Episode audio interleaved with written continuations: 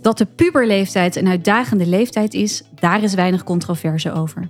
En aangezien de hele middelbare schooltijd nou net de periode is dat jonge mensen jarenlang volop puberen, en aangezien jij daar als leraar elke dag mee te maken hebt, gaat aflevering 9 precies daarover. Wat zijn de specifieke kenmerken van de puberteit en hoe ga jij daar zo goed mogelijk mee om? Met als doel natuurlijk om de leerlingen in deze onstuimige levensfase zich optimaal te laten ontwikkelen. Dit is aflevering 9 van mijn eerste jaar voor de klas.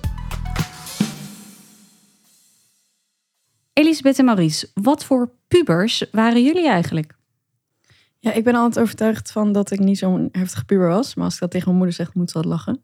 Dus uh, volgens mij, ik viel wel mee. Ik was volgens mij vrij braaf. Uh, maar ik heb echt wel een keer uh, gezucht als mijn moeder vroeg of ik dingen wilde doen. En ik had ja, veel. Ik botste veel met mijn vader. Ik weet niet, dat, okay. dat blijkt raar te zijn als vrouw. Zodat je botst met je vader vaak blijkbaar bots je vaker met je moeder. Maar mijn vader en ik leken gewoon super veel op elkaar. Dus ja, dan heb je gewoon ruzie over van alles. En botsen met docenten, was dat voor jou iets gebruikelijks of juist helemaal niet? Nee, helemaal niet. Nee, ik wilde ook altijd het beste zijn en beste resultaten halen. En uh, ja, nee, dat, had ik niet mee. Oké, okay, leergierig ja. en gebrand op goede resultaten. Ja, ja, zeker. En eigenlijk van klas 1 tot klas 6? Ja, volgens mij wel. nou, wat heerlijk. Toen mij 30 Elisabeth in de klas. Ik praatte wel heel veel, maar ik wilde wel heel overal bij zijn en alles meekrijgen. En uh, ja, ik, ja, ik wilde altijd wel het hoogste van het hoogste. Ja, mooi. En Maurice, wat voor puber was jij? Ja, klinkt eigenlijk heel saai, maar ik herken uh, me er ook wel een beetje in. Uh, ja, ik was uh, denk ik ook gewoon een, een, een lieve puber. Gewoon eentje die uh, met veel plezier naar school toe ging. En ja, ook thuis eigenlijk niet met iemand ook botste. Waren het niet bijvoorbeeld met mijn zus of mijn broertje misschien wel eens. Maar nee, eigenlijk gewoon rustig. Een hele heftige. Saai, man. Ja, het is saai. Ja. Rickert, ik wil ja, nu echt een heel ga, sterk verhaal. Ja, ja even overtoepen. Kom op, Rickert. ik botste wel heel veel. Uh, en met name met docenten. Uh, thuis viel het nogal mee, denk ik. Uh, met mijn broers wel eens. Hij is met twee broers opgegroeid. En dus drie jongens thuis. Dan is dat soms Had er nog wel eens wat stuk, kan ik me zo Maar dat hoeft niet met puberteit te maken te hebben. Ik denk wel dat ik door de puberteit...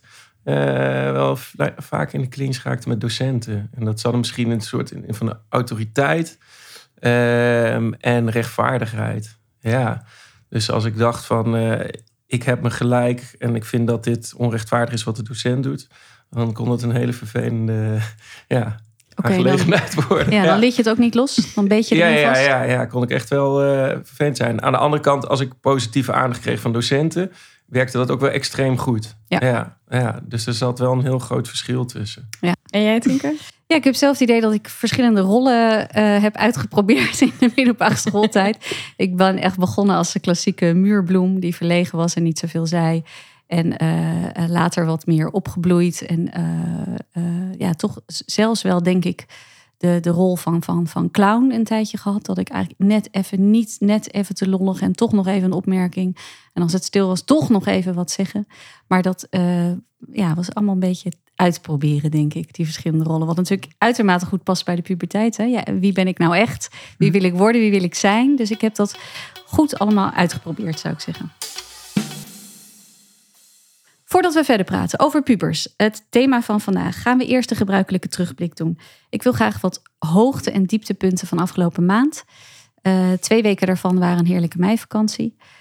Maar Maurice, jij zegt altijd, ik ben 24/7 beschikbaar. Dus ja. is die meivakantie rustig geweest? Of, uh... Ja, kijk, het is lekker dat het twee weken waren. Uh, maar na die twee weken meivakantie stonden de examens natuurlijk op de planning. Uh, dus ja, dat zorgde er toch wel voor dat het een iets drukkere meivakantie werd qua uh, ja, mentoraat dan, uh, dan ik misschien had verwacht. Mm -hmm. Maar uh, ja, nee, we waren wel weer 24-7 beschikbaar. Ja. En er was dus paniekvoetbal? Of was het, waren het allemaal ja, vragen die je verwachtte? Paniek, ja, het was niet, het was niet echt paniekvoetbal, maar gewoon meer ja, dat je sommige even een beetje moest voorzien van extra motivatie. Of ze eigenlijk gewoon stimuleren of gewoon complimenten geven met het feit dat ze gewoon lekker bezig waren. Mhm. Mm -hmm. um, ja, en sommigen die ook gewoon de vraag stellen van... joh meester, uh, hoe kan ik nou eigenlijk het beste gaan leren? En uh, Nou, dat vind ik dan toch ergens ook alweer schattig, zeg maar, een week voor de examens die vraag stellen. Dat ik denk, oké, volgens mij zijn we al een jaar bezig met oefenen. Ja. Dus ja, en met leren. Dus maak je niet al te druk nu. Ja, goed is Maar- ben je er klaar voor. Probeer wel even dit en dit nog eh, Ja. voor jezelf te gaan doen. Ja. Nou, En jij zegt ook dat je leerlingen nog moest motiveren. Dat verbaast me, dat leerlingen niet eh, heel gemotiveerd het examen ingaan. Ja, nou ja, misschien is motiveren dan niet het goede woord. Eh, laat ik zeggen, stimuleren. Dus Ja. eigenlijk gewoon ervoor zorgen dat ze, nou wat ik net al zei, dat als ze zich een beetje zorgen maakten, eh, of ze het wel of niet zouden gaan halen, ja, natuurlijk heel erg positief gaan benaderen. En eh, ja, ervoor zorgen dat ze gewoon eh, met een goede mindset, zeg maar, eh, die vakantie uitkwamen. Want de woensdag na de vakantie mochten ze. Ja. Ja, of moesten ze. Moesten ze. Moesten Ja. ze. Ja, ja.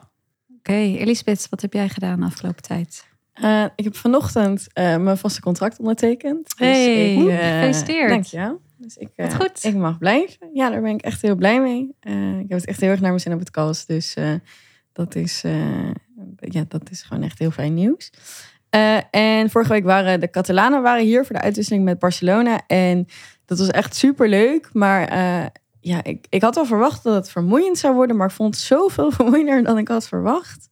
Eh, want ja, zeker als je in Barcelona bent, dan kan je toch wat meer mee met de flow. En mee met, oh wat een mooi gebouw. En oh, jullie hebben dit geboekt. Dus ik, ik loop maar gewoon mee. En als ze dan ineens hier zijn, dan ligt alles in jouw handen. En is alles jouw verantwoordelijkheid. En ehm, ja, ik, ik had achteraf gezien misschien meer mijn afspraken buiten werken. Dat klinkt heel gek, want ja, buitenwerk, dat is je vrije tijd. Maar eigenlijk had ik die af moeten zeggen. Want ja, je merkt toch, als je in Barcelona bent, dan doe je dat sowieso, want je bent er niet. Dus dan is het helemaal oké dat je al die afspraken afzegt. Maar nu dacht ik, ja, ik ben er toch, dus ik kan toch prima ehm, gaan volleyballen of gaan vergaderen met de commissie die ik nog doe. En toen dacht ik, nee, dat had ik gewoon Nee. eigenlijk niet moeten doen. Want ik lag was, eraf. ik lag eraf, ik Ja, was er helemaal niet bij. En ik had beter gewoon helemaal deze die week in teken moeten stellen van de Catalanen om zelf er rustig eh, onder te blijven. Dus eh, uiteindelijk heb ik er maar prima doorheen eh, gebotst, maar ik was echt wel gesloopt. Toen ze waren, wel echt drie uur van tevoren voordat ze wegging, dacht ik, oh, alsjeblieft. kan niet meer. Het was echt wel klaar. Ja, het was echt, ja, het Ja. was heel leuk, maar het was echt eh, slopend. Ja. Nou, dat is goede bagage voor volgend jaar, toch? ja, nee, zeker. Ja, ja. mooi. We gaan terug naar de pubers. Eh, want jullie staan er waarschijnlijk niet al te veel bij stil. Want je zit er iedere dag natuurlijk middenin. Maar jullie hebben te maken met een bijzondere groep mensen. En ook een groep mensen waarvan sommige mensen eh zowaar ook wel wat angst hebben, toch? De puber. Ja. En Maurice, re- realiseer je dat? Jij, jij bent omringd Ja, door die enge pubers. Die enge pubers, iedere dag weer. Nee, eh, ja, nee, je realiseert je dat heel erg goed. En ook als je het een keer dreigt te vergeten, dan eh, helpen ze je direct aan herinneren. Ik Maar, dacht echt precies hetzelfde. ja, maar nee, eh, eh, ja, ik zit natuurlijk op VMBO-niveau, of tenminste daar geef ik op les. En eh, derde, vierdejaars. Dus dat zijn denk ik ook bij uitstek wel echt de goede pubers, zeg maar, in dit verhaal. Ehm, ja, en ik vind het gewoon heerlijk. Ze zijn gewoon lekker direct. En je weet eigenlijk precies wat er, wat er in ze omgaat. Ehm, dus ja, kijk, als, eh, nou ja, als voorbeeld ook. ehm, begin je de week op maandag uiteraard. En dan komen ze al binnen van... Hé hey, meester, ik ga een piercing zetten. Op vrijdag. Nou, dan weet je in ieder geval dat het maandag, dinsdag, woensdag, donderdag en vrijdag... over die piercing gaat. Maar eh, ja, dan is school weer op een iets lager pitje. Maar tegelijkertijd wel heerlijk dat ze het zeggen. Ja. Ja, Ja, hart op de tong. ja absoluut. Kun je nog wat charmante eigenschappen van jouw pubers benoemen? Eh, de charmante eigenschappen, nou, die directheid. Mhm. Ehm, ehm, ja, ik denk ook ja, de openheid. Ze ik vind ze heel erg, heel erg sociaal. Ja. Ehm, ja, ik vind, ze, ik vind ze eigenlijk gewoon eh, hartstikke lief. Er is helemaal geen, eh, geen griezelige enge puber eh, zit erbij. Ze zijn ook heel betrokken. Mhm. Ja, volgens mij kan ik nog wel door blijven gaan. Maar Je vindt ze behoorlijk geweldig. ik vind ze geweldig, absoluut. Ja.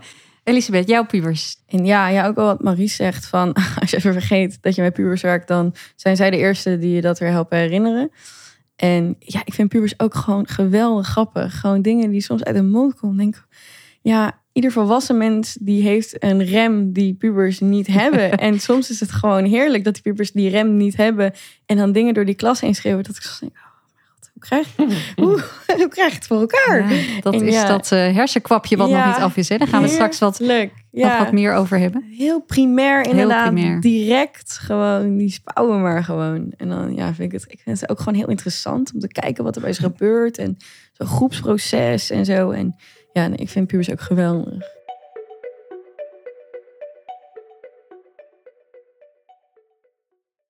Kunnen we nog meer typisch pubergedrag benoemen? Ik eh, hoorde Elisabeth al praten over de mooie typische oogrol en het zuchten. Oh, daar hou ik ook zo van, die oogrol.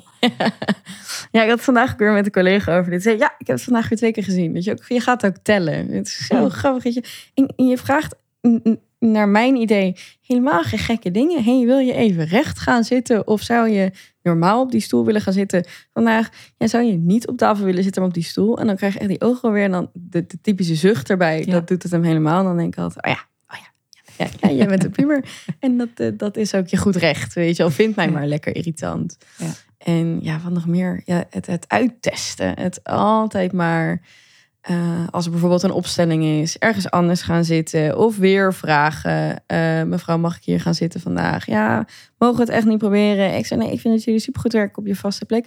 Ja, maar bij alle andere docenten mag het wel. Ja hoor, daar is die weer. Ja, het is Ja, maar- zegt, met uitproberen. Het is ook wel veel onderzoeken wat ze doen Ja. natuurlijk. Hè? En dan niet eh, in de op de manier waarop wij dat graag willen. Maar het is wel onderzoeken. Elke keer grenzen opzoeken en kijken Ja. waar, waar hun posities er is. Ja, ik had En waar ze staan. vandaag een heel slim meisje, dat is een groep die echt het meeste over een opstelling eh, eh, daar een probleem van maakt. Die zei, mogen we dan de allerlaatste les voor de vakantie onze eigen plek kiezen? En toen dacht ik, nou, dat vind ik best wel een goed idee. Daar wil ik jullie best in tegemoet komen. Dus ik zei, nou, is goed, dan, dan mag dat die les. En dan gaan we het er nu niet meer over hebben, toch? En dan zegt ze, oké. dan gaan ze nog steeds doen en dat is oké. Maar je kan dan wel zeggen van, oh ja, weet je nog wat we hadden afgesproken? Laatste les voor de vakantie, dus ja, we, we gaan het zien. Ja, ja en ja, dat, dat hele primaire reageren, dat, dat is ook echt heel puber eigen. Gewoon, gewoon door het klas heen. Ja, mevrouw, ik vind je echt irritant. Ja, oké, jongen. Ja, daar kan ik echt niet mee zitten. Ja, maar dat kan ook vijf minuten later weer anders zijn. Ja, echt. Maar dat ja, ook. Inderdaad. Dan kom je, komen ze binnen en zeggen, meester, wat gaan we doen vandaag? We gaan lezen. Meester, u bent echt Spaans. U bent Ja. echt Spaans. Ja. Oké, nou, eh, leuk. Maar wel wat lezen. En dan, eh, daarna gaan ze weer eh, iets anders doen. En dan ze Ja. het allemaal weer hartstikke Ik leuk. vind dat ook wel een soort van het spannende aan dat je met pubers werkt. Dat de ene les vinden ze je superleuk. En dan hebben ze helemaal zin om met je te kletsen. En dan die dag daarna kan je ze weer zien. En dan is het alleen maar zuchten en steunen. En dan ben je de verschrikkelijkste persoon die er is. En dan, ja, het houdt me altijd wel een beetje meteen. Dus, oh ja, we gaan even kijken wat eh, voor leerling er vandaag uit gaat komen. Daarom is het ook denk ik wel goed om toch vaak terug te halen wat je vorige keer hebt gedaan. Het hoeft niet eens inhoudelijk te zijn, maar kan ook gewoon Ja. op wat je vorige keer met elkaar beleefd hebt Ja. in een les. Dat is voor hun heel prettig, want dan komen ze Ja. toch weer een beetje in die sfeer. Vooral als je ziet, ze komen als makkelammetjes binnen. Hè. Vaak sta je bij de deur bijvoorbeeld en dan zie je al wat voor een... Ja, voor buizen zijn. buizen zijn. En je kan ook wel echt die bui van die les daarvoor terughalen. Ja, wat ik ook heel mooi vind aan pubers is dat het minste of het geringste kan ze beïnvloeden. Of kan zo'n heel, heel, heel groepsdynamiek, groepsproces veranderen. Ik had, wat had ik laatst aan dat ik dacht, dat het tijdens mijn les begon te regenen. Nou, ik was er kwijt. Ja. Ik, dus regen, we wonen in Nederland, zijn we toch gewend. Maar gewoon de omslag van dat weer, dat doet iets met ze. En toen was Wat dacht je van een wesp in je klas? Ja, ja, ja, Dan ja, is ja, ja. echt, dan kan je Ja. beter ophouden gewoon. Ja. Want dat Ja. is gewoon... Je, Nie- niemand kan blijven zitten. Dat is echt zo absurd. Ja. ja, ik vind het ook altijd zo mooi om te zien. Als ze dan, eh, nou ja, ze zien of ze vinden zichzelf ook wel redelijk tof. Gewoon, daar komt eigenlijk wel op neer. En dan eh, zet je een, een, eh, Nederlandse speelfilm aan bijvoorbeeld om eh, te gaan analyseren. En dan wordt er gezoend. Nou joh, dan zijn ze Ja, weer ineens allemaal kleine hè? kindertjes Ja. van een jaar of acht. Dat je denkt, nou, heel, heel meester, zet het af. En ik denk, nou, en vlak daarvoor heb je het nog over...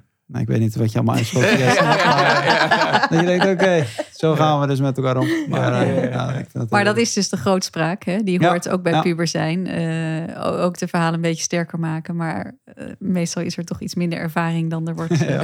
Ja. medegedeeld. Maar ook groepsverhoudingen, toch? Het wordt ook wel in de groep soort van sociaal geaccepteerd of sociaal verwacht dat je daar dan iets van zegt tijdens zo'n les. Als, als je dan stelt, ze gaan allemaal rappen, roer en één iemand te stil, dan is het weer van, oh kijk, oh ja, jij reageerde niet of zo. Ja, dat dat Ja. zie je ook wel weer. Vooral niet afwijken. Hè? Ja, heel erg met de groep mee. Ja. Ja.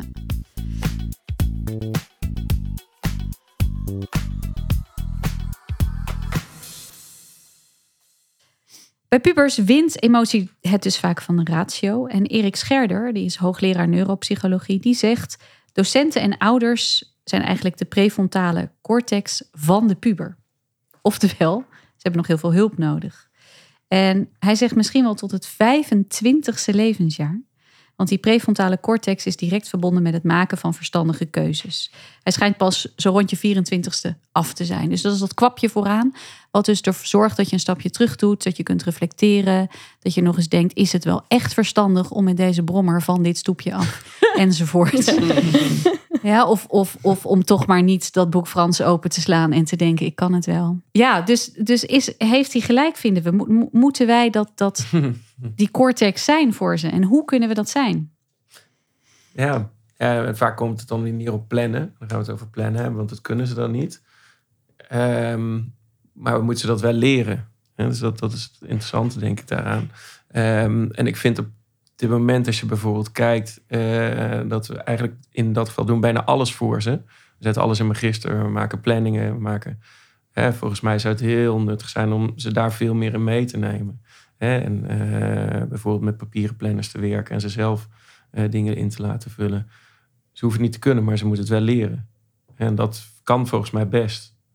Ja. dus het voor hun doen zou ik, eh, zou ik wel wat eh, overdreven vinden. Ja. Ben je ervoor dat de papieren agenda terugkomt? Sowieso of niet? Ja, ja zeker. Ja. en het kan ook heel goed naast elkaar. Hè? Dus je kan heel goed eh magister hebben of waar je dan ook mee Mhm. werkt. En een papieren planner. Maar Ja. ik denk dat het echt heel belangrijk is voor leerlingen dat ze het zelf opschrijven en het grotere geheel leren zien. En voor hun is het grote geheel één week of twee weken. Ja. Eh, als ze daarop mee kunnen werken, nou, dat zou fantastisch zijn. Maar als ze het nooit hoeven op te schrijven, dan zien ze dat geheel ook niet. Wij zijn dus inderdaad weer begonnen met in de onderbouw Ja, ja. eh, papieren agenda's. Allemaal dezelfde, zo'n hele saaie. Zo'n planda. eh, ja, zo'n Ja, planda. hebben Ja, ja. ja, En ik, ik zie echt daar heel veel voordelen in. Ja. Ik vind me soms, mezelf soms wel redelijk hypocriet hierin, want ik kan zelf niet zo goed plannen. ik ben ontzettend last minute werker en ik weet gewoon dat wat ik doe, dat het dan goed is. Maar ik voel gewoon eerder die druk niet. Dus dan kan ik me er niet toe zetten en dan als die druk er is, dan, dan krijg ik het voor elkaar. Maar daardoor voelt het wel heel hypocriet en ik denk dat dat ook een groot deel van volwassenheid is, dat je soms hypocriet bent tegenover pubers. Ehm, maar dan voelt het dus wel een beetje krom om hun dat te leren, omdat ik het zelf eigenlijk niet zo heel goed kan. Ja, maar Je geldt dat het- niet je hoeft voor het niet te kunnen, je moet het weten, denk ik Ja, dan- ja, ja, ja. Ja, ja, ja.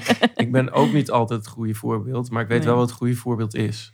ja. En het helpt om dat open te breken naar leerlingen. Hè? Door dat ook te Ja. benoemen. Van jongens, ik zit ook echt soms heel slecht in mijn planning. En eh, Ja. ik was ook te laat met het afleveren van de cijfers van deze toets. Maar dat neemt niet weg dat jullie toch... Ja. ja, en daarom denk ik dat het ook wel belangrijk is dat we ze helpen en, en, en sturen, maar ook dat we soms dingen door de vingers mogen laten zien en dat ook Zeker. mogen laten weten aan pubers van oké, ik probeer dit te leren en het is oké dat het nu niet gelukt is, maar we blijven Ja. erbij oefenen, maar ik, ik keur je nu niet af of zo, omdat dit nu niet eh, gegaan is zoals ik je had verteld dat je het beste kon doen. Oké, Maurice, Ja. is- is- zitten jullie ook aan de planda's? Nee, nee eigenlijk eh, niet. Nee, dus ik ben ook eh, echt gewoon voorstander om dat eh, wel in te gaan voeren. Ja. Eh, ja, al is het maar gewoon om het, eh, ervoor te zorgen dat ze het nut ervan zien. Van het opschrijven van wat er allemaal op en af gaat komen. Kijk, of je het eh, een avond van tevoren alsnog gaat oppakken. Mhm. Dat is natuurlijk je eigen manier van werken. Maar het feit dat je op een gegeven moment wel een idee hebt wat plannen is. En hoe het je kan gaan helpen. Ja, ik denk dat dat vooral belangrijk is. En ja, dan is er ook nog een heel groot verschil, denk ik, tussen pubers en wij als volwassenen. Kijk, ik ben net als Elisabeth. Ik voel ook pas eh, de noodzaak om echt eh, gas erop te gaan geven als eh, de druk echt heel hoog is. Ehm, maar dat neemt niet weg dat als ik, ja, als ik het heb opgeschreven of als ik ongeveer weet wat er op me af gaat komen, ja, dan weet je tuurlijk dat je eerder aan de bak moet. Maar eh, omdat je ook je eigen kwaliteiten kent, weet je ook heus wel dat je het gaat redden in- Ja, op die precies. laatste avond. Maar dat Ja. is bij pubers precies Ja. Ja. nog net niet het Maar geval. dat is het toch het stukje leren leren wat je dan Hm. Ja. succesvol inzet, hè, zet. Want je kunt dus toch een overzicht maken van... nou, dit wordt wel krap, maar dit, dit gaat me lukken. Ja. Ja. ja. Dus ja, dat, eh, zeker, die, eh, zeker die agenda's weer. eh, Ja, omdat ik ook ja. echt denk als je. Ik, ik weet niet of dat voor jullie ook geldt, maar eh, ik kan echt ook de visualisatie maken eh, van mijn week in mijn hoofd. En dan zie ik letterlijk mijn agenda bladzij voor me. En dan kan ik dus even scannen en zien wat er komt. En ik denk dus als je nooit een agenda, een papieren agenda voert. En alleen maar dingen in je telefoon hebt staan, dat je dus dat overzicht gewoon niet goed eh, hebt. Ja. Wat nou juist voor pubers zo ontzettend belangrijk is, dat je het overzicht wel hebt. Ja. Ja. En ik denk dat de overstap naar zeg maar, het hoger onderwijs, of ja, laten we zeggen het beroepsonderwijs, dat wordt ook alleen maar groter. Want dan moeten ze ineens alles wel echt zelf gaan doen. Ehm, ja, en op de middelbare school is dat absoluut niet zo. Nee, precies. En Rickert, heb jij het idee dat de meeste scholen wel leren leren en studievaardigheden aanbieden? Ja, ik heb natuurlijk niet zicht op alle scholen, maar ik denk wel dat het heel veel gebeurt. Hè? Ja. Dus vooral in de mentoruren. Ik denk dat er, nou, er zijn door scholen zelf geschreven programma's. Er zijn eh, heel veel uitgeverijen die er eh, eh, programma's voor aanbieden. Eh, of dat altijd goed gaat of eh, goed genoeg gaat voor leerlingen, waardoor ze echt leren plannen. Ja, dat, vind ik gewoon wel lastig eh, te zeggen. Maar dat het veel gebeurt, dat er pogingen worden gedaan, zeker. Ja, Ja. ja, eh, met name in mentoruren. Maar je kan ook bijvoorbeeld afspraken in school maken van oké, aan het einde van elke les, hè, we doen bijvoorbeeld in de eerste en de tweede klas, hè, de laatste vijf minuten pakt iedereen zijn agenda erbij. En dan moet dan alles opgeschreven worden. En je schrijft klassikaal alles op met elkaar. Ja, en de uitvoering, eh, dat is ja, aan de goden overgelaten, zullen we maar zeggen. Ja. En Of de ouders. Ja, Of de ouders. Even bij betrekken. Ja, Ja. ja, ja, laten we het daarover hebben. In hoeverre moeten ouders. Ja, goed punt. Ja. In hoeverre moeten ouders wel of niet eh, hun pubers ondersteunen in, in leren en in plannen? En is dat anders voor onderbouwleerling als voor bovenbouwleerling? Ja, tuurlijk is het anders, maar hoe is het anders? Ja, ik denk eh, in de ideale wereld eh, zijn je ouders daar om je te begeleiden ehm, en je enigszins te sturen thuis.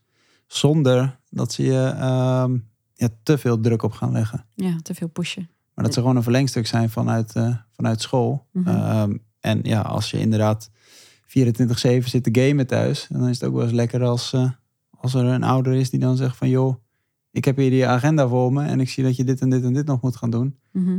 Wanneer ga je dat doen? En niet per se van joh, ga het nu doen, maar meer de vraag bij de leerling neerleggen van joh, wanneer en hoe wil je dit gaan doen? Of kan ik je erbij helpen?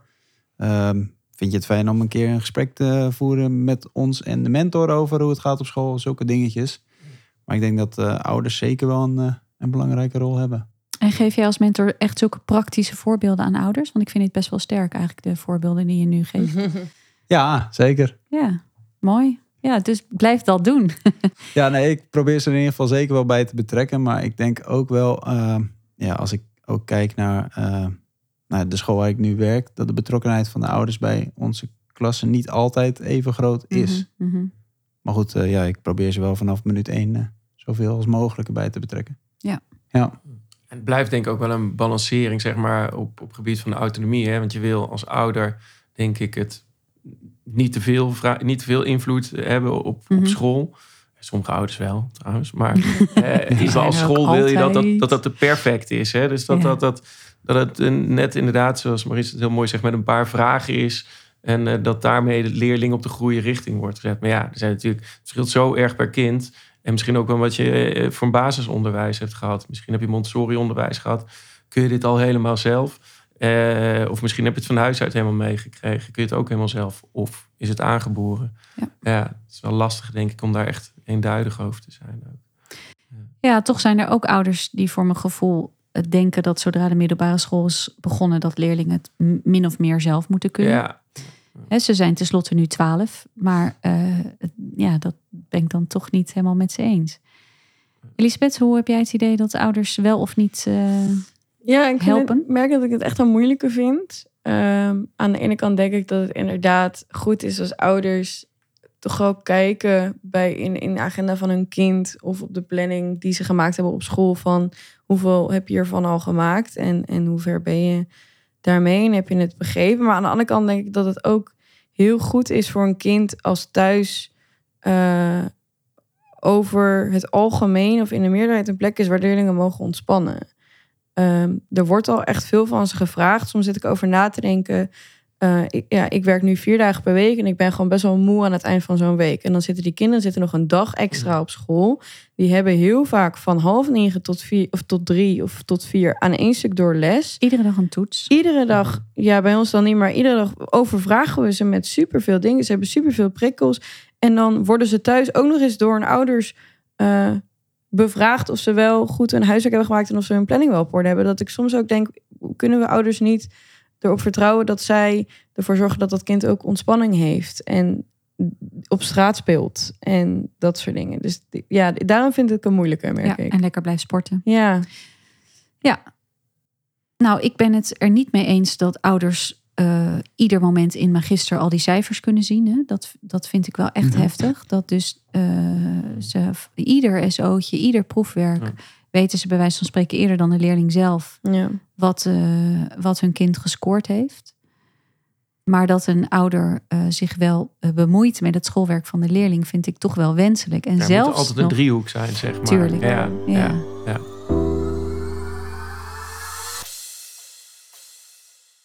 Dat onvermogen van leerlingen om taken te kunnen plannen en zelfstandig te kunnen werken. Nou, we hadden het al over die, die prefrontale cortex. Denken jullie dat dat verder achteruit is gegaan door afleidingen zoals social media en door gaming, streamingdiensten, de mobiele telefoon? Volgens mij, en het is niet vroeger was alles beter hoor. Maar we zeggen, ja, het is zo zwaar voor die leerlingen. Hè, vijf, dagen op school zitten. En dat was het vroeger ook zeker wel. Toen zijn Maar we, vind- we vinden het vooral veel zwaarder nu, denk ik. Mhm. eh, eh, omdat er zoveel meer is bijgekomen. Hè, en, en we zijn dan geneigd te zeggen, "Wij, we moeten rustig aan doen op school. Maar volgens mij, ik weet niet of dat het antwoord is. Volgens mij moeten we zeggen, we moeten juist veel meer weghalen uit die andere dingen. Die andere zodat er ruimte is voor school. Ja. Hè, ehm, ik denk dat dat wel, eh, en dan hebben we het inderdaad vooral over alles wat op de mobiele telefoon zit. Want het is Mhm. niet de mobiele telefoon, maar het is alles wat erop zit. De sociale media, eh, ja, wat eh, ja, spelletjes. Ik vind dat er ook echt hele bizarre spelletjes Ja. zijn voor kinderen. Mhm. Dat puur gaat over, ja, een voorbeeld geven, je had cookie klik. En dan hoeft ze alleen maar, zoveel mogelijk moesten ze drukken op koekjes.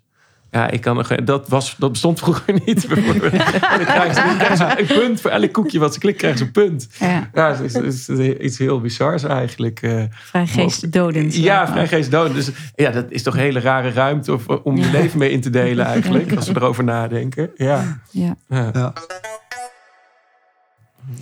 Ja. Eh, goed punt, Rickert. Het lijkt, hè, de, een paar maanden geleden was er best even landelijk veel discussie over eh, de mobiele telefoon de scholen uit. Ja. En ik dacht heel even van, yes, we gaan hem Mhm. pakken. Hè? We gaan dit fixen met elkaar. Ja. Arjan Lubach deed natuurlijk een fijne duit in het zakje. En ehm, het lijkt alsof het weer helemaal stil is geworden Ja, op dat meer. vlak. Ik lees er geen krantenberichten meer over. Ik hoor er niks meer over. Ik Ja. hoor eigenlijk het gewoon weer beetje wegzakken. Je zou En bijna het- denken... Ja, sorry. Ja, Ja, dat, nou, er- dat, ja, dat er net als bij de tabakslobby ook een soort mobiele telefoonlobby is. Hè, want Ja. en er is, een, er is een collectieve verslaving. Maar volgens mij durven we dat nog steeds niet toe te geven aan elkaar. Die is zowel bij ouders als bij kinderen. En eh, ik, ik ben er zelf ook onderdeel van. Hè. Laat ik dat Mhm, even duidelijk maken. Ehm, maar daarom durven we volgens mij geen stappen te zetten. ja. Daar lijkt het bijna op. Want ja, ik kan echt gewoon voor mezelf bijna geen reden meer bedenken waarom we hem in de klas hebben. En er zijn al een aantal groepen die dat zeggen, of een aantal personen en zelfs docenten. Maar ja, dan moeten ze mij toch eens vertellen wat hun onderwijs daarin beter maakt dan onderwijs zonder mobiele telefoon. Maurice en Elisabeth, dromen jullie ook van die school waarin je bij binnenkomst de mobiel ergens in een eh, hele grote kluis deponeert en om drie uur mag je hem er weer uithalen? Ehm, ja, nou ja, alleen in de les eigenlijk.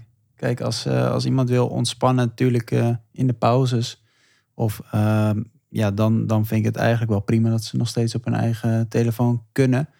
Eh, ik denk namelijk ook dat als je het eenmaal in de klas gaat weren, dat de drang om die telefoon meteen weer te pakken in de pauze misschien ook ehm, anders zal zijn. Omdat ze dan toch ervaren hoe het is om nou, eens een keer geen telefoon bij de hand te hebben. Maar ik denk ook wel weer dat je, eh, ja, je kan die telefoons niet volledig verbieden. Ehm, ja, en ze praten ook met elkaar via die telefoons. Kijk, ze hebben ook eh, vriendjes, vriendinnetjes. Kijk, niet iedereen heeft de sociale skills, denk ik, om eh, face-to-face met eh, anderen te gaan praten. Die vinden het dan fijn om het misschien toch via Snapchat te Nou, doen. laten we dat dan gaan oefenen door die telefoons weg te doen. Dan moet Ja. je namelijk wel face-to-face. Ik denk Ja. ook wel dat ze het meer zullen doen. En dat kunnen we dan in de klas ook zeker gaan stimuleren. Maar ik denk ook wel dat het eh, ja, toch een tikkeltje bij een identiteit hoort om eh, iets te doen met die telefoon. En eh, ja, het geestdoden zoals cookie click of zo. ja. Weet je, misschien heb je daar even, misschien wil je dat graag. Even in je pauze dat je denkt, nou, ik heb net weer eh, een uur naar Nederlands. Of met Nederlands ben ik bezig geweest. En eh, geschiedenis heeft ook weer eh, een uur eh, tijd van me gekregen. Ja, dan wil ik nu even cookie klikken. Nou ja, doe het vijf minuten, maar daarna moet je weer door. Ja, ja. Ja, Ik vind het een hele ik- lastige. Ik, ik ben over de pauzevraag ook niet uit hoor. Ik denk wel dat het echt ten goede komt van creativiteit in de sociale omgang. Als je zelfs die pauzemomenten het ook niet doet. Ik, snap helemaal Ja, wat je zegt, hè. Eh, maar ik, ik vraag me af of, ja, of zelfs daar niet weg. Ik word Ja, echt wel verdrietig als ik door de gang Ja, heen loop ik dus en ook. ik zie Ja. vijf brugklassers naast elkaar zitten op een helemaal. stoeltje met hun nekken naar beneden. En ze spelen gezamenlijk een spel. Hè? Dus ze zitten allemaal in dezelfde soort online omgeving waarin ze met elkaar lopen, schieten, weet ik veel wat ze doen. Maar de, ze, in plaats van dat ze met elkaar praten, zitten er vijf 13-jarigen over zo'n scherm gebogen in de pauze. ik vind het het over- armoe. Ja, Pure we, armoe. ja, we hebben het over nu over het sociale, maar dan heb je het, nu zeg je ook iets over houding. Ja. Hè? En eh, naar ogen, we hebben het nog niet eens over het fysieke Ja. aspect ervan.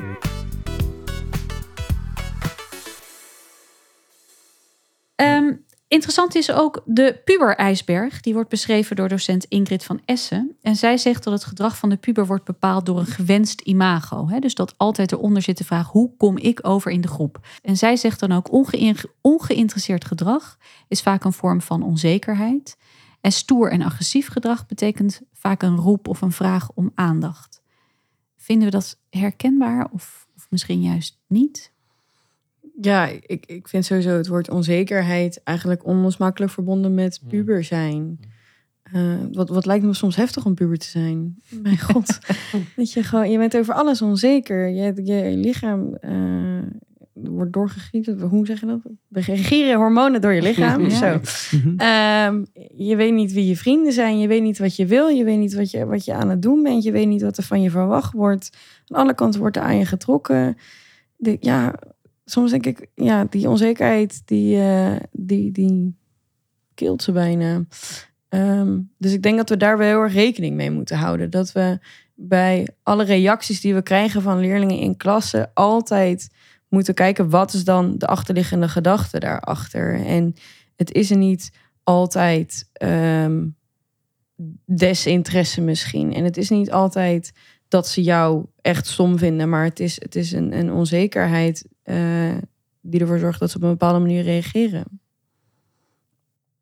Oké, Maurice, kun je aanvullen?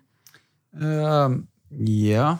Eh, ja, ik zit er ook even over na te denken. Maar ja, ik denk ook wel het, het, ehm, ja, hoe, hoe een puber zich ontwikkelt. En eh, nou, tijdens mijn studie hebben we daar overigens nog niet al te veel aandacht aan besteed. Maar Nee. Ehm, ja, ik denk ook wel dat eh, het een soort trial and error is. Kijk, Mhm. als jij eh, met een groepje meeloopt, ehm, ja, dan kan het zo zijn dat je stoer of heel tof overkomt, maar dat je dat eigenlijk helemaal nog of niet bent van nature, maar dat je gewoon graag bij die jongens of meiden wil horen. Ehm, ja, ik denk dat je op een gegeven moment ontwikkel je echt wel van, nou ja, waar, ja, waar ligt mijn identiteit? En eh, ja, het zal misschien onzekerheid eh, kunnen zijn. Maar ik denk ook dat je eh, niet per se onzeker hoeft te zijn om je weer op alle vlakken te ontwikkelen. Ja, je loopt ook wel eens ergens tegenaan met een bepaalde zekerheid. En eh, dat je denkt, nou, dit is het zeker niet. Ehm, ja, en dan ontwikkel je misschien weer een andere kant op zonder dat je direct als onzeker eh, eh, hoeft te worden weggezet. Mhm. Ja, Ja. dus ja, ik, ik vind het eh, lastig. Mhm. Aan de ene kant, er staat dus agressief gedrag en eh, stoer gedrag, dat het om aandacht vragen zou gaan. Ehm, eh, ik denk dat ik best wel zelf van dat gedrag vroeger had. Mhm. Ehm, of daarmee aandacht vroeg, dat, ja, ja, ik vind dat nog wel eh, een een groot... best een statement, hè? Hè, eh, ja, Ja. best wel een statement. Ik vind statements ook van onzekerheid. Ja, ongeïnteresseerd, on- onzeker. Ja. Ja, het kan, er zit, je ziet het zeker bij pubers. Ehm, maar niet altijd. Nou, ja, maar niet altijd. Ja. Ja. en bij mezelf, om daar op in te gaan.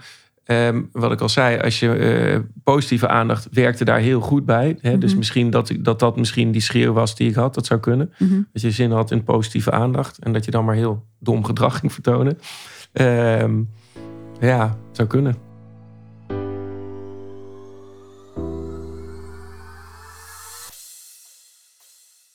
Denk wel dat het belangrijk is dat we bij probleemgedrag natuurlijk verder kijken. Hè? Dus niet eenmalig, maar een leerling die altijd opvalt in negatieve zin. Daar moeten we natuurlijk als docent of als mentor dieper kijken. Eh, maar hoeveel geduld of tijd heb je dan om op zoek te gaan naar de oorzaak? En, en waar stopt eigenlijk je verantwoordelijkheid als docent? Nu luisteren we even naar een ingekomen vraag van Patrick. Hoi, ik ben Patrick. Ik ben eh, eerstejaars student van de leraaropleiding natuurkunde. En ik vroeg me af, hoe ga je om met leerlingen die niet lekker in hun vel zitten? Niet lekker in hun vel zitten. En dan gaat het denk ik inderdaad niet over die ene week dat je eh, gewoon je niet zo lekker voelt. Of eh, gewoon een rotweek hebt. Maar stelselmatig, Rickert.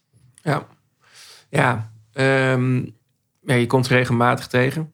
Hè, eh, helaas. Ja. En eh, het schijnt volgens de cijfers ook veel meer te Mhm. zijn. Hè, ehm, dus we moeten er zeker wat mee. Eh, ik vind dat er eh, op, bij mij op Hyperion waar ik werk, dat er echt een hele goede zorg is. Eh, en, en dat ook wel de, de protocollen daaraan voorafgaande ook heel goed zijn beschreven. Dus er ligt veel verantwoordelijkheid bij de mentor.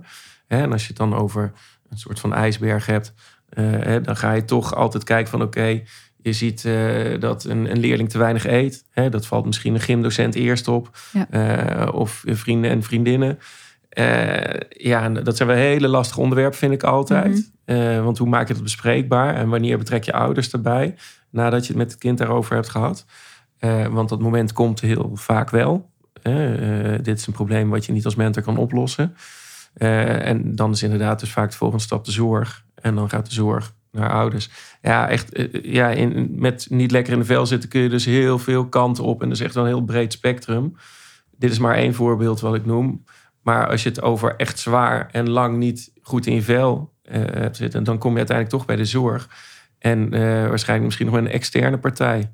Ja, Ja, en ook niet de illusie hebben dat je het kunt oplossen Nee, als ja, dat- docent of mentor. Nee, als je het over eetstoornissen en dergelijke hebt. eh, of eh, iets heel anders. eh, leerlingen die eh, heel veel blowen. Ja. Eh, ja, dat houdt op een gegeven moment wel op. Als leerling en dan, als docent of mentor.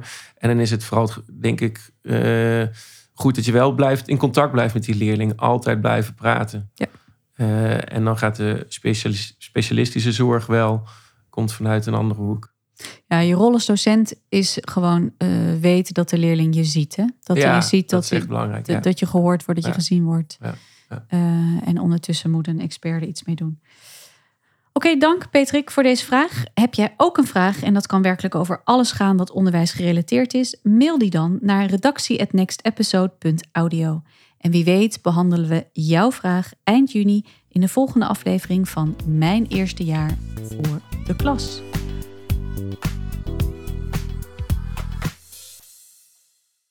We gaan terug naar ons maandthema. En ik ga vragen aan Elisabeth en Maurice. eh, welke ontwikkeling zien jullie nou eigenlijk bij die leerlingen die binnenkomen? Ze zijn 12 en eh, ze verlaten de school weer eh 16, 17, 18. Dan, dan is er natuurlijk iets gebeurd met die pubers. Wat, wat, wat zie je en eh, wat vind je ervan? Het is altijd iets moois, vind ik, die ontwikkeling die je van dichtbij mag zien. Ja, ik, ik, ik heb nu geen, geen, geen zesde of vijfde klas. Ehm, maar ik, ik zie al een wereld van verschil tussen de brugklas en de derde klas. Mhm. Eh, en dat, dat vind ik zo grappig om te zien. Want bij de eerste klas zijn ze ruzie aan het maken over of een antwoord wel of niet goed is. En in de derde klas, dan willen ze niet eens nadenken over de antwoorden. Ja, dan denken ze echt, ik ga je toch helemaal niet die vragen beantwoorden. Dus ik vind dat, dat, dat, die, dat verschil eh, tussen die klassen zo interessant. En dat de brugklassers echt nog heel graag willen leren. En die hebben er echt helemaal zin in. En, eh, en, en die stellen zoveel vragen.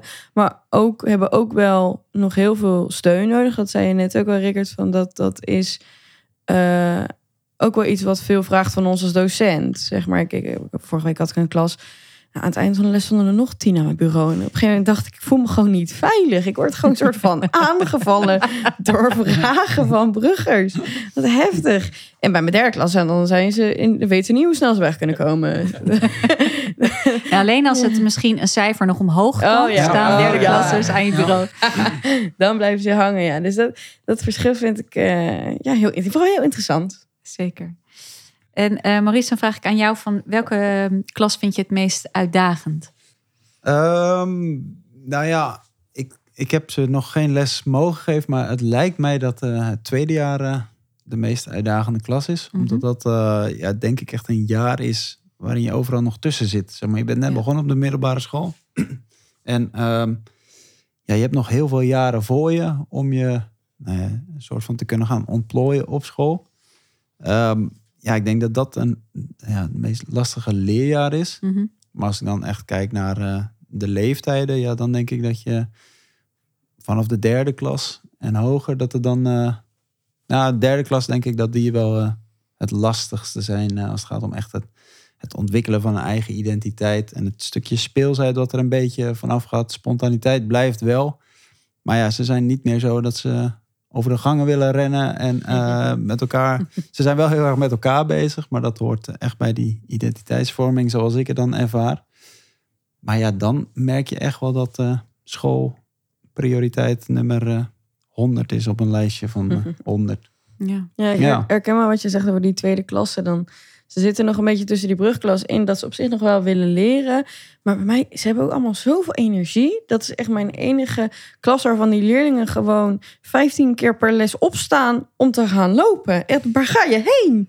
En dat gebeurt bij mijn derde klas. Maar bij mijn eerste klas gebeurt dat helemaal niet. Mijn derde klas, die, zijn, ja, die, die hangen onderuit. En mijn brugklasses, die, die durven denk ik nog niet of zo. Maar die tweede klasse, ja, die, die lopen hele marathons tijdens mijn les. Ik denk dat er ook wel een biologische verklaring voor is. Dus, dus dat je eh, in de derde zie je ook dat eh, vooral bij de jongens die benen gaan groeien, die hangen Ja. ergens onder de tafel. Die worden gewoon super lang. Dus, dus al die energie die gaat daarheen. Ja.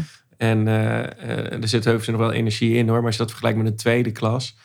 Ja, dat is echt wel een groot verschil. Ja. Dan zit, zijn ze eigenlijk nog een kind wat langzamerhand richting een volwassen lichaam gaat. Maar eh, eh, ja, het beweegt. Ja, het krioelt vooral eigenlijk. Ja, ja, ja, ja, ja, dat denk ik altijd. Ja. En die bruggers die stoppen al die- energie nog gewoon in het opletten en het vragen bedenken. Ja, Wat gebeurt er dan in die zomervakanties? Ja. Ik vind dat toch iets interessants. Zeker. ja, dat is ook een hele goede om je op voor te bereiden hè, als school, denk ik. Dus die eerste dag. Wat is er gebeurd in die, in die zomervakanties? Dat is echt wel belangrijk om mee te nemen Ja. bij start. Ja. Ik vind dat wel de kerst op de taart als je dus een leerling...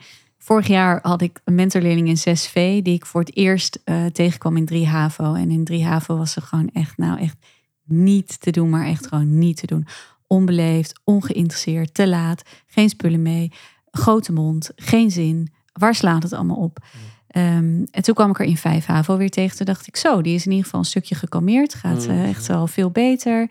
Gaat examens halen, mooi. En toen kwam ik, werd ik haar mentor in 5 en 6 VWO. En toen zag ik gewoon super sophisticated dame die weet wat ze wil. Ze, ze wilde dat VWO-diploma. Ze ging ervoor. Ze was kritisch, maar ook eh, complimenteus naar docenten toe. Ehm, Nou. Pakte die leidersrol in die klas. En, en, en dan mag je dus voor haar een, een diplomapraatje houden. Nou, dan is dat gewoon heerlijk om met elkaar even terug te gaan van weet je nog in Ja, ja, drie ja, haven. ja, ja, ja. Dat, Ja. ja, en dat is gewoon, nou ja, dat, is, eh, dat vind ik echt mooier kan je niet maken, weet je wel. Ja. Dat iemand zo'n Ja. ontwikkeling doormaakt en dat je daarbij bent en dat je dan ook nog samen om kunt lachen, vind ik echt zo geweldig. Daar, ik denk dat ik daar ook het meest naar uitkijk nu ik langer op deze school mag blijven. Dat ik dan zo benieuwd ben naar hoe Uitkomen, mijn ja. huidige brugklas of huidige Ja. tweede klas dan straks in de vierde, vijfde, zesde is. Ja, en dat is geweldig. hoe ze zijn gegroeid, hoe ze zijn veranderd. Ik, daar kijk ik zo naar uit. Dan denk ik, dan is dit toch het allermooiste wat, eh, wat er is, dat wij dat mogen meemaken. Mhm. We, we zouden dus eigenlijk kunnen zeggen van, van jongeren willen best. Uiteindelijk had ik dat meisje in 5, 6 VWO en ze wist waar ze naartoe ging en waar ze het voor deed. Hè, dus het is cruciaal dat, dat wij proberen om ze te laten inzien waarom ze het doen en dat, dat het een doel heeft, hè, dat het nuttig is. Eh, zijn jullie er bewust van dat je probeert zo'n doel mee te geven, zodat ze voelen waar je het voor doet? Dat is natuurlijk in de tweede veel verder weg dan in de vierde, vijfde, zesde. Maar is dat iets wat, wat speelt als je bezig bent in je dagelijkse praktijk. Ja.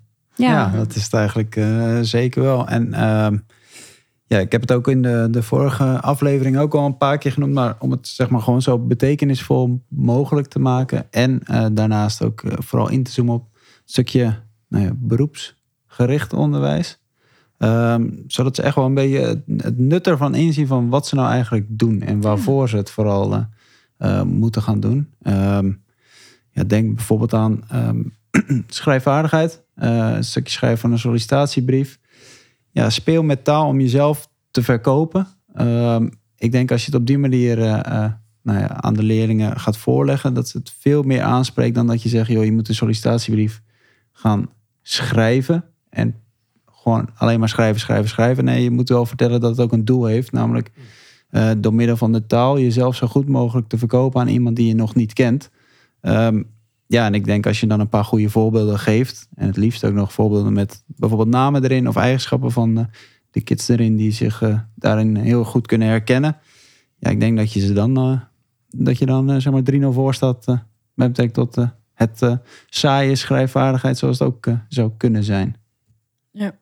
Ja, ja ik probeerde dat eigenlijk ook altijd in mijn les te verwerken. Eigenlijk leggen waarom we iets, iets doen. Eh, ik weet nog bij mijn eerste stage dat een van mijn collega's zei dat het haar echt een game changer was toen ze dat echt ging benoemen. En dat ik dat in het begin wel probeerde, maar dat dat nog niet echt nut had. En ik denk dat dat kwam omdat ik het nog niet echt voelde. Dat ik nog niet echt voelde wat ik nou echt wilde bereiken. Waarom we dingen op een bepaalde manier deden. En ik voel nu echt dat ik daar eh, heel erg in gegroeid ben. En dat als ik een bepaalde opdracht aan ze geef, eh, dat ik ook echt weet waarom ik deze specifieke opdracht wil. En eh, wat, wat het doel daarvan is. En ik zie gewoon dat het helpt bij die leerlingen. Dat ze daardoor ook denken: oh ja, nee, oké, ja, nee, inderdaad. Als je zegt dat eh, het, het schrijven van essays echt goed is voor het ontwikkelen van, van, van analy- analytische vaardigheden, zeker op het VWO, gaan ze er echt wel van aan. Eh, dan zijn ze daar zoveel meer bereid toe om, de, om daar iets moois voor neer te zetten dan als je zegt je moet het gewoon doen. En ik denk ook dat je het moet proberen overzichtelijk te maken allemaal. In kleine, in kleine doelen stellen. Met name voor jongens is dat, eh, heb ik het idee, vaker van belang. Die zien, eh, vooral als ze in de tweede zitten, is de zesde, bijvoorbeeld ja, bij ons is de zesde, echt heel ver weg. Eh, en ja, je moet ze duidelijk maken dat elk stukje onderdeel is van dat examen. Ja. En als ze dat gaan zien, dan helpt het al echt wel heel veel.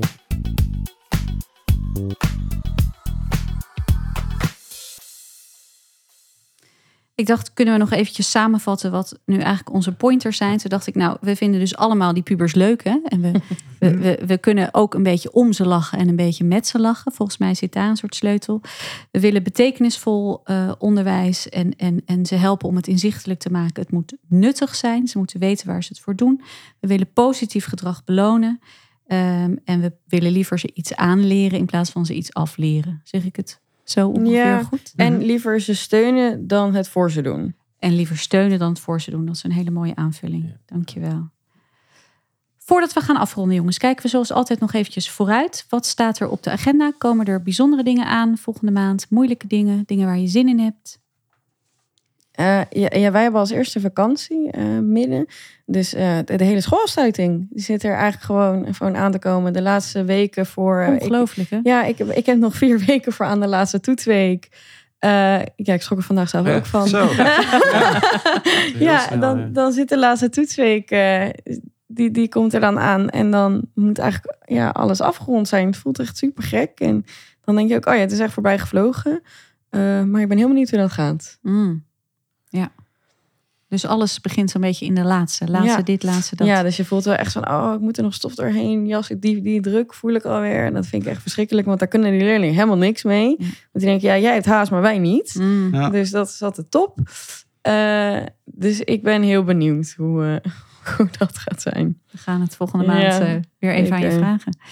Maurice, waar kijk jij naar uit of juist niet naar uit? Eh, jawel, ik kijk er wel naar uit. Sowieso nakijken van de examens. Ehm, dat vind ik heel spannend. Mhm. En eh, ja, natuurlijk eh, over een paar weken mag ik ze gaan bellen met de boodschap eh, Ja. dat ze allemaal geslaagd zijn. Oh, dat is hopen dat leuk. ze allemaal geslaagd zijn. Maar daar, ja, als ik dat even mooi kan opnemen, dan eh, zit dat in de volgende aflevering erin. Ja, vraag, doe even een paar gesprekjes eh, Ja. opnemen en vraag Ja. of het mag. Dan gaan we, oh, dat is heel leuk. Moet je het wel van tevoren vragen eigenlijk. Ja. Van, hey, Ja. ik stel ik ga je Stel, bellen, mag ja. ik het dan opnemen? Dat je echt die primaire reactie... Want ik denk dat als je zegt, je bent geslaagd en je zegt, mag ik het opnemen?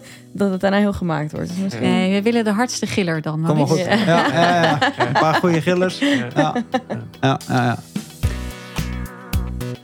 Oké, dank jullie wel allemaal. Eind juni zijn we weer terug met aflevering 10 alweer. Dan gaan we het hebben over allerlei uitdagende situaties waar je mee te maken kunt krijgen. Denk bijvoorbeeld aan leerling met ADHD of dyslexie of extreme faalangst. Maar ook hoe ga je om met ouders die klagen, bijvoorbeeld tijdens een ouderavond of jouw professionaliteit in twijfel trekken. Dus bijzondere situaties waar misschien de klassieke lerarenopleidingen niet per se altijd in voorzien. Over een maand bij aflevering 10 deze podcast is een productie van Next Episode in opdracht van de VO-raad. Audiodesign werd verzorgd door Studio Cloak. De eindredactie was in handen van Robert Doggers.